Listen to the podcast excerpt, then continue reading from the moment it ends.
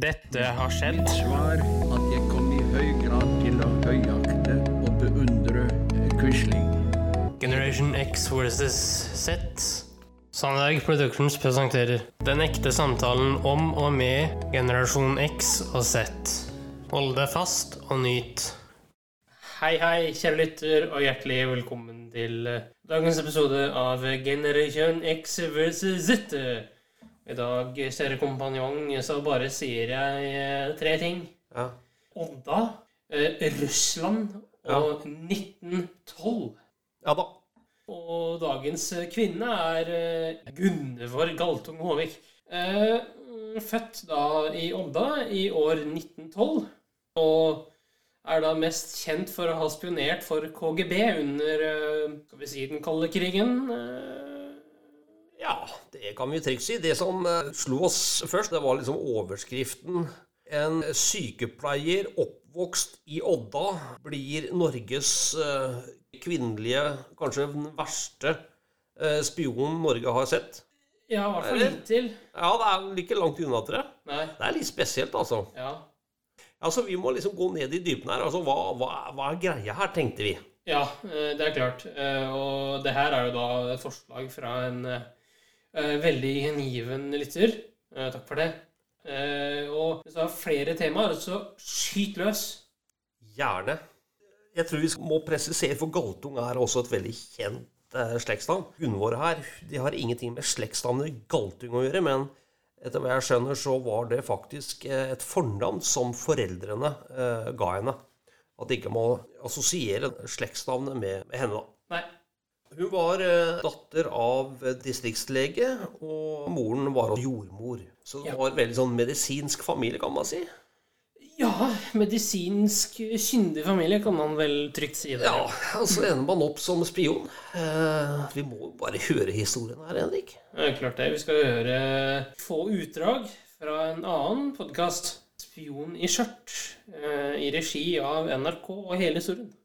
Og etter hva vi skal høre, Henrik, så tenker jeg sånn Det er fort gjort. Ja, du kommer i kontakt med feil mennesker til feil tid, så er det fort gjort. Ja, og valgets kvaler. La oss høre.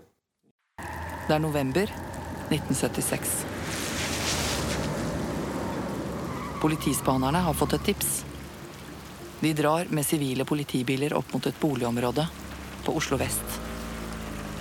En eh, mørk, regnfull dag eh, oppe i Holmenkollåsen. Vindusviskerne går raskt fram og tilbake i frontruta på bilen.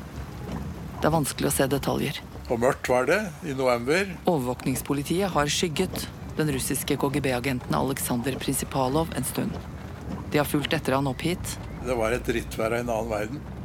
Nå ser de to personer som går bortover mot stasjonsområdet. En av spanerne går ut av bilen og følger etter de to som beveger seg mot stasjonen på Gulleråsen. De to, under felles paraply, tar farvel. Mannen blir borte i en bil. Kvinnen går oppover mot perrongen. T-banen kommer. Hun går inn og setter seg ved vinduet. I mange år har overvåkningspolitiet hatt som mål å komme fram til dette øyeblikket. Nå har de kanskje funnet spionen. Ja, det er nok klart at den arresterte er fullmektig Gunvor Galtung Håvik, 64 år gammel, tilsett som kontordame i handelspolitisk avdeling i Utenriksdepartementet. Hvordan ender Gunvor Galtung Håvik opp som Norges eneste kvinnelige KGB-spion? Hva driver henne til dette landssviket? Jeg har mange ganger lurt på om hun var litt naiv. Jeg heter Kirsti Kraft. Du hører Spion i skjørt.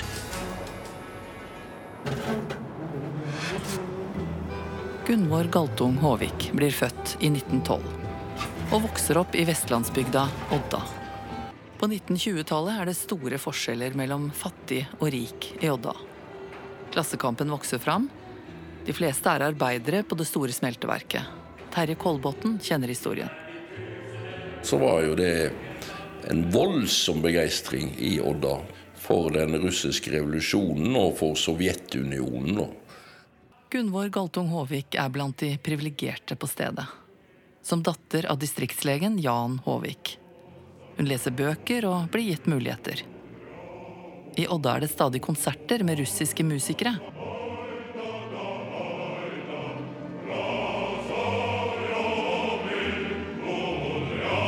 De synger om Russlands storhet. Det er patriotiske sanger av menn i folkedrakter. Gunvor sitter på konserten i Folkets hus. Hun får lyst til å lære det russiske språket. Og når Gunvor er ferdig på skolen, flytter hun til Oslo for å studere. Hun får tips om en eldre kunstner i Asker. Han er tegner og er med i det russiske eksilmiljøet i hovedstaden. Han kan språket og mye om den russiske kulturen. Han heter Valeri Karik. Natasha Heinz er et lite barn da Gunvor begynner å komme for å ta timer i russisk hos Valeri. Hun husker at farmoren og tanten hennes ikke synes den unge Gunvor er så sjarmerende. Det var lite sjarm ved henne. Hun eh, var jo en ung kvinne. En ny verden av russisk kunst og kultur åpnes for Gunvor. Naboen i Asker merker seg det som skjer. Gunvor er mye yngre enn Valeri. Den russiske enkemannen har et godt blikk til Gunvor. Jeg vet at han hadde spurt min farmor om råd om han skulle gifte seg med henne. Hun syntes ikke det var noe særlig klokt.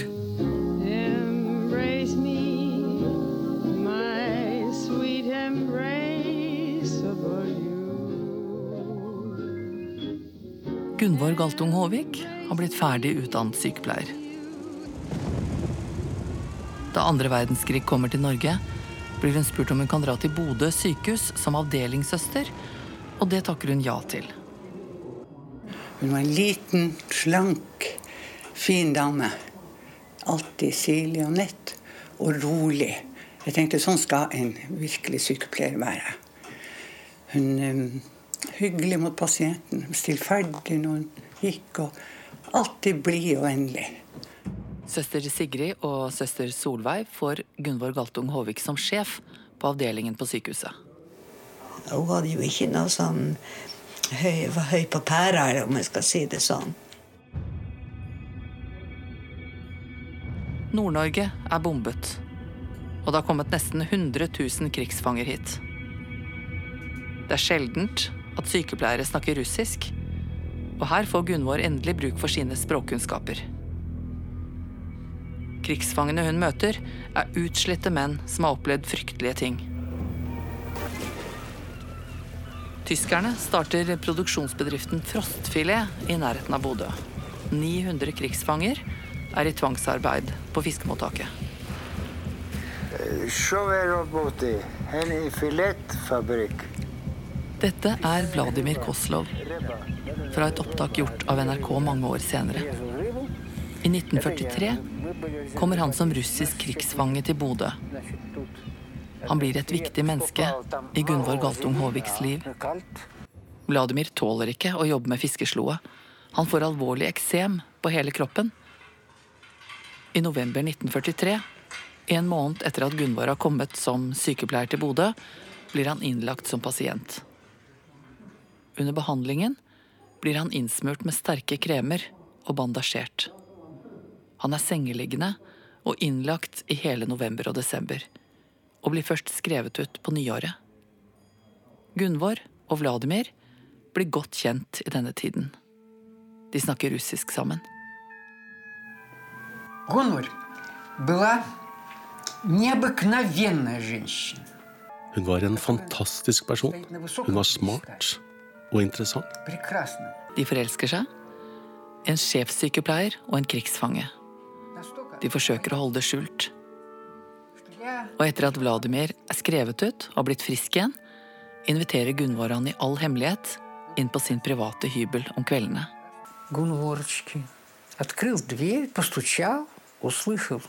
Første gang jeg møter Gunvor på den lille hybelen hun bor på, så banker jeg på døren, og så hører jeg Gunvor si 'kom inn'.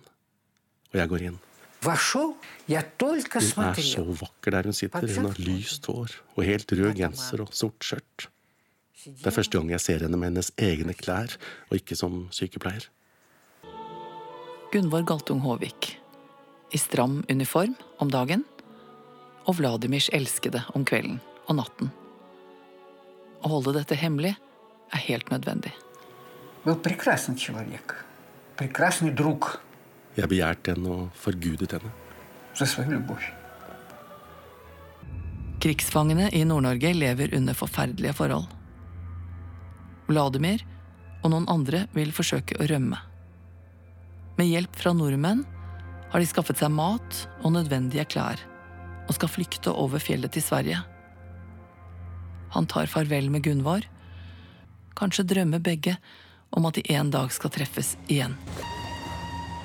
Gunvor gjør en stor innsats både som sykepleier og tolk hele sommeren 1945 for de fangene som har opplevd den umenneskelige behandlingen. Folk er optimistiske. Nazismen er beseiret, og Sovjetsamveldet framstår som alliert og en vennligsinnet nabo. Utenriksdepartementet har fått med seg Gunvors innsats i Bodø under og etter krigen. Hun blir spurt om hun kan tenke seg stilling som sekretær på den norske ambassaden i Moskva. Hun takker ja. Det er nå tre år siden hun var sammen med Vladimir i Bodø. Kan hun finne han igjen? På flyplassen i Moskva blir hun hentet i en stor ambassadebil av ambassadens sjåfør Nikolai Pavljuk. Den norske ambassaden i Moskva ligger staselig til, i Povarskaja nummer sju. Sjåføren parkerer bilen i ambassadens bakgård, og Gunvor hopper ut og spaserer rett mot hovedinngangen. Hun var- var sånn jomfrunalsk på en måte. Hun var litt humørsjuk. Det var ikke alle dagene hun var ikke like blid. Da var hun nokså butt som mutt. Berthe Eggum er guvernante for ambassadebarna.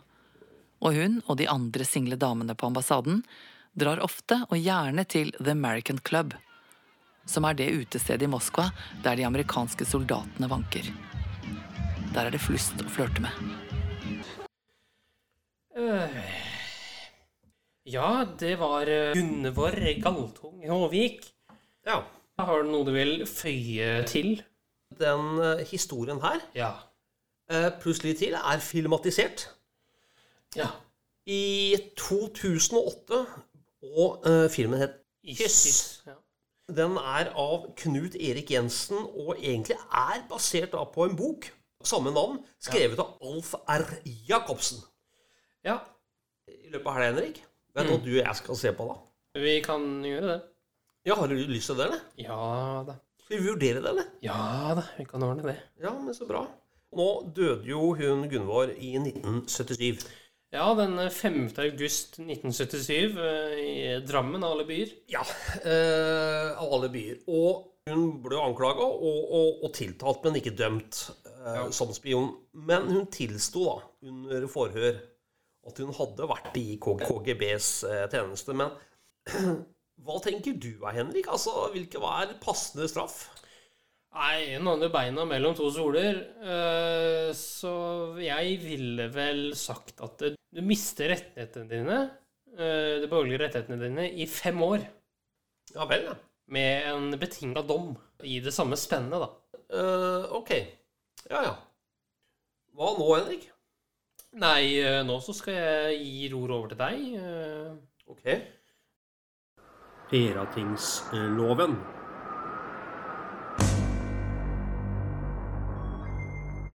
Ja Ja, jeg har noe som heter eh, Peratingsloven. Mm. At Der vil det komme til uttrykk eh, noen enkle, men helt flotte, nydelige, eh, akseptable og full jubel med tommelen opp-redigeringer og eventuelt nye lover. Jeg kan bare si såpass at jeg gleder meg. Gjør du det? Ja. Ok. Jeg har en paragraf som blir helt ny, da. Ja. Og den blir vel fanga opp i straffeloven, vil jeg anta. Ja. Og den skal hete uh, ulydighetsparagrafen. Okay, Hva går den ut på? Jo.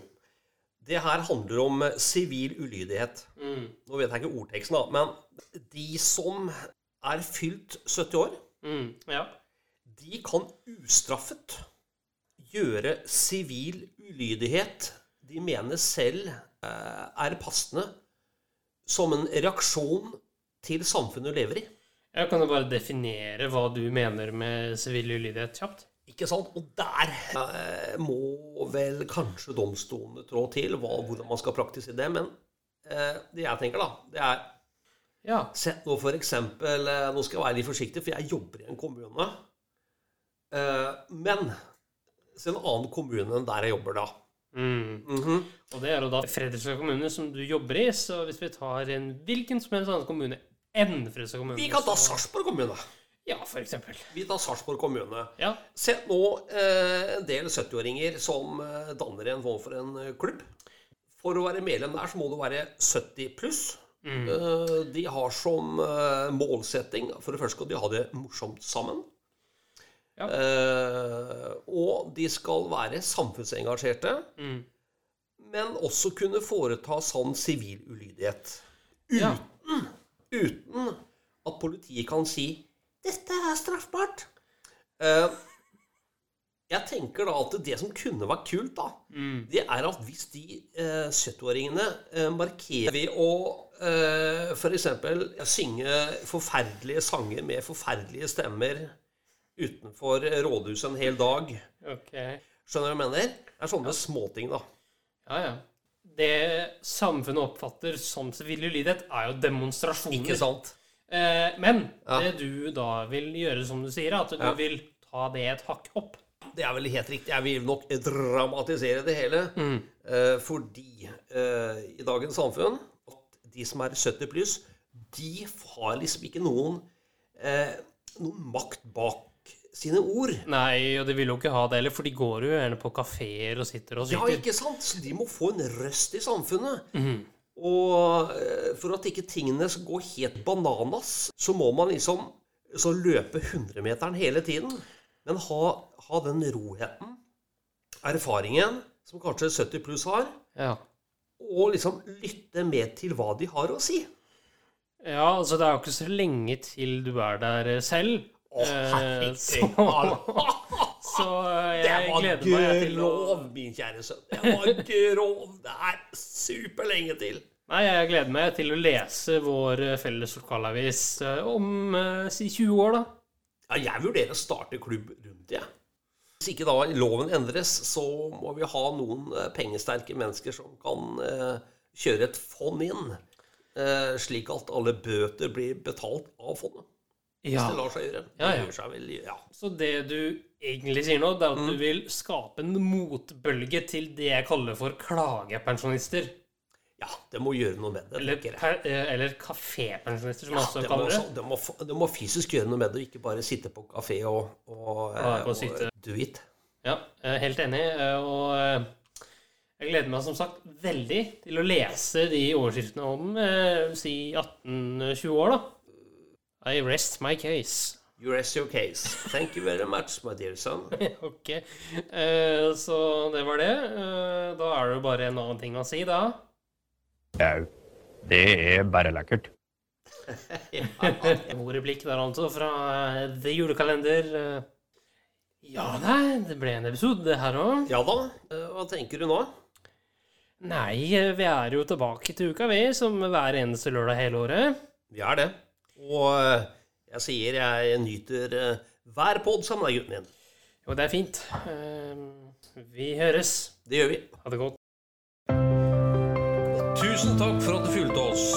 Gi gjerne tilbakemelding, likes eller kommentar på Facebook-siden vår Generation X versus Z. Velkommen igjen til neste podkastepisode. Hei då!